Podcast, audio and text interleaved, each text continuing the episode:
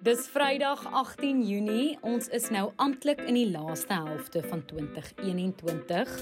Volgende week is dit die sogenaamde wintersonstilstand. Dis die kortste dag en die langste nag van die jaar en daarna gaan die dae weer geleidelik begin langer word. Maar genoeg van die seisoene. Jy is hier vir jou weeklikse nuus met Spiespot gooi, 'n bondige nuusoorseig met my Nia Spies.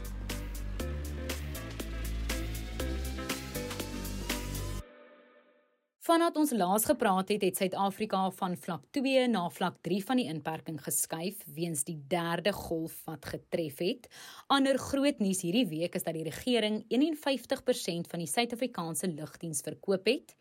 Dan het die Zondo-kommissie van ondersoek vir nog 'n verlenging gevra om sy werk te voltooi. In Botswana is 'n enorme diamant gevind en hier in Suid-Afrika krap mense steeds kop oor die Tembisa tenling. Hartseer nuus is dat die voormalige president van Zambië oorlede is en dan laastens vertel ek jou van 'n kankerleier wat die wêreld bekoor met haar nagtegaal stem. Maar kom ons begin met hoofnuus die week en dit is dat Suid-Afrika terug is op vlak 3 van die inperking. Dit nadat die land sedert verlede week amptelik in die derde vlaag van koronavirusinfeksies is. Onder vlak 3 geld die aandklokreël nou van 10:00 saans tot 4:00 soggens. Net 50 mense mag binnenshuis bymekaar kom en 100 mense in die buitelug. En dan is drankverkope ook tot tussen Maandag en Donderdag beperk.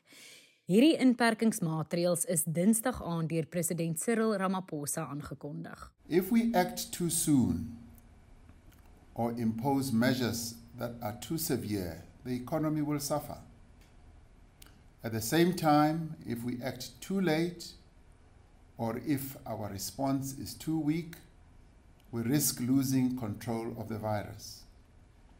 We have therefore closely monitored the data and heeded the advice of our experts and scientists. Intussen is meer as 13000 nuwe COVID-19 infeksies in 'n 24-uur verslagperiode aangemeld hierdie week.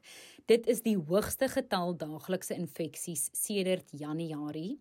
Suid-Afrika het Woensdag aand 13246 nuwe koronavirusgevalle aangemeld.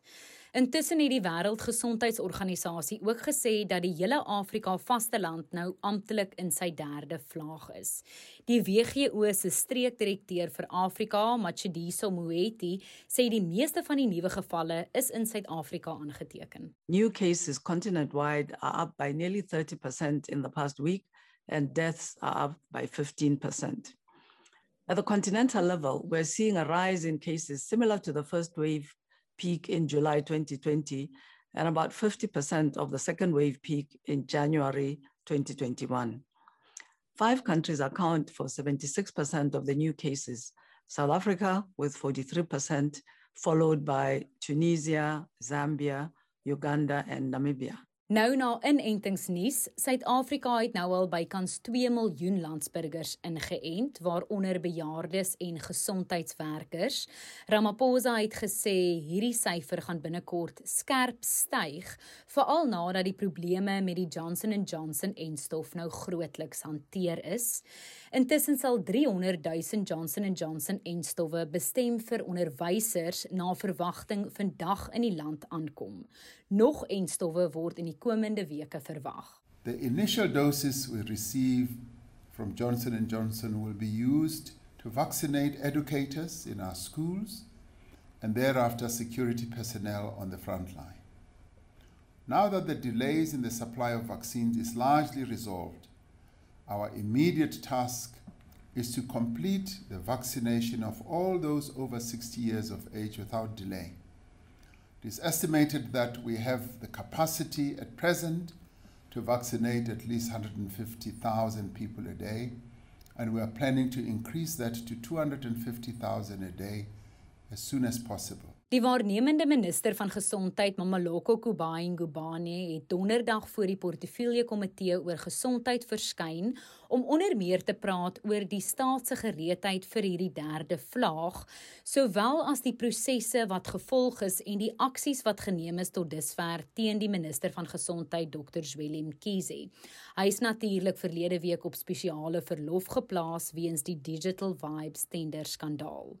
Kubai Ngubani sê die spesiale ondersoekeenheid moet egter vra oor die ondersoek beantwoord. I think another advice perhaps chair I would bring to the portfolio committee is perhaps to reach out to the SIU as the investigating body who would be in a better position to provide a lot of answers that members are looking for. Ander groot nuus hierdie week is dat die regering die meerderheid van sy aandele in die Suid-Afrikaanse lugdiens verkoop het.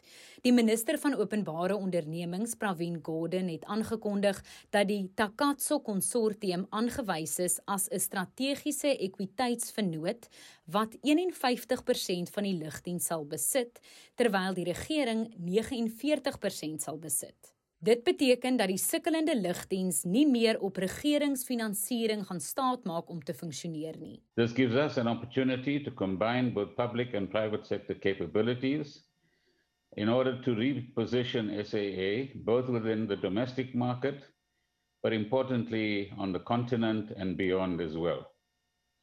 It will enable us to augment SAA with technical, financial and operational expertise. Nou na die Sonde-kommissie van ondersoek na staatskaping wat weer aansoek gedoen het by die hof vir uitstel omdat hy meer tyd nodig het om sy werk te voltooi, adjunk hoofregter Raymond Zondo het by die Hooggeregshof in Pretoria 'n aansoek ingedien omdat ses noodsaaklike getuies nog voor die kommissie moet verskyn. Onder hulle is president Cyril Ramaphosa. There are about 5 or 6 witnesses that the Commission has identified as important to be called to the Commission before the Commission can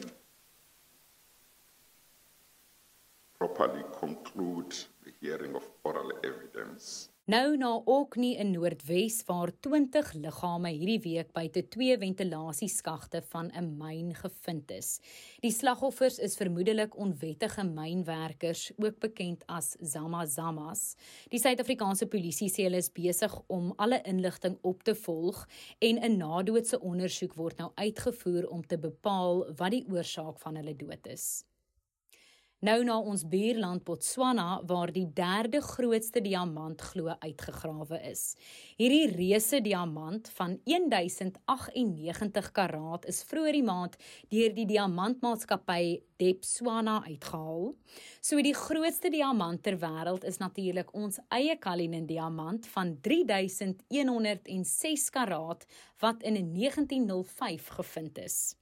Terselfdertyd stroom talle mense na KwaGlatsi naby Lady Smith in KwaZulu-Natal na 'n oënskynlike diamantfonds daar. 'n Beeswagter het blink klippies opgetel en daar word nou bepaal of dit diamante is. Sedertdien delf duisende mense nou vir diamante in hierdie gebied. Die departement van minerale hulpbronne en energie het 'n span geologiese en mynboukenners na die gebied gestuur om te kyk of hierdie kristalagtige stene wel diamante is. Die regering het ook 'n beroep gedoen op mense om hierdie delwery onmiddellik te staak omdat dit die regering se ontginningsregulasies en ook COVID-19 regulasies oortree omdat mense nou in hulle massas bymekaar kom. En nou na 'n storie wat nog steeds die land aan die praat gehad het hierdie week en dit is die Tembisa tienling debakel. Verlede week het die mediagroep Independent Media berig dat Josiame Sitole en Tibogo Tsotsitsi van Tembisa aan die Gautengse Oosrand ouers geword het van 10 babas wat in 'n Pretoria se hospitaal gebore is. Dit het wêreldwyd opslag gemaak omdat dit die Guinness Wêreldrekord sal verbreek. Verskeie regeringsdepartemente kon egter nie die geboortes bevestig nie omdat daar geen openbare of privaat hospitale is met 'n rekord van hierdie geboortes nie. In 'n verklaring wat deur die Tsotsetsi familie uitgereik is, ontken die pa van die babas dat hy al enigsins die babas gesien het en die familie beweer dat hulle glo die babas bestaan nie. Intussen het die Suid-Afrikaanse Nasionale Redakteursforum, oftewel SANEF, in 'n verklaring gesê die 10ling debakel is een van die laagste punte in die geskiedenis van Suid-Afrikaanse journalistiek. Independent Media staan egter by hulle storie en sê hulle het bewyse dat die 10ling bestaan. En in buitelandse nuus, die voormalige president van Zambië, Dr Kenneth Kaunda, is oorlede. Hy is maandag in 'n militêre hospitaal in Zambië se hoofstad Lusaka opgeneem met longontsteking. Die 97-jarige was die land se president van 1964 tot 1991 en hy het 'n deurslaggewende rol gespeel in Zambië se onafhanklikheid van Brittanje en om vryheid in Afrika te bewerkstellig. Die Zambiese president Edgar Lungu het 'n staat van rou vir 21 dae in Zambië aangekondig. Dan sluit ons af op 'n baie mooi noot hierdie week. Die sangeres Jane Markswetsky, wat as Nightbird bekend staan, het met haar onlangse audisie op America's Got Talent oornag bekend geword toe sy met haar oorspronklike liedjie Harte gewen het. Die 30-jarige voer 'n kankerstryd en het net 2% kans op oorlewing. Haar liedjie It's Okay vertel waartoe sy gaan. Dit het selfs vir die berigte bitterbek beoordelaar Simon Cowell na aan trane gehad en dit het hom die golden buzzer laat druk wat beteken dat sy outomaties deurgaan na die finale uitdenronde. There was something about that song after the way you just almost casually told us what you're going through and oh, you know You can't wait until life isn't hard anymore before you decide to be happy.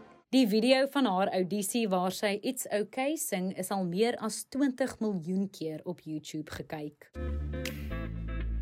Nou dat jy weet wat aangaan in die wêreld om jou, is jy slaggereed vir die tweede helfte van die jaar.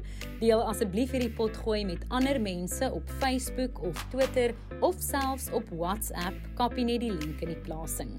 Nuus met Spies is 'n produksie in samewerking met die Potgooi Produksiehuis Volume.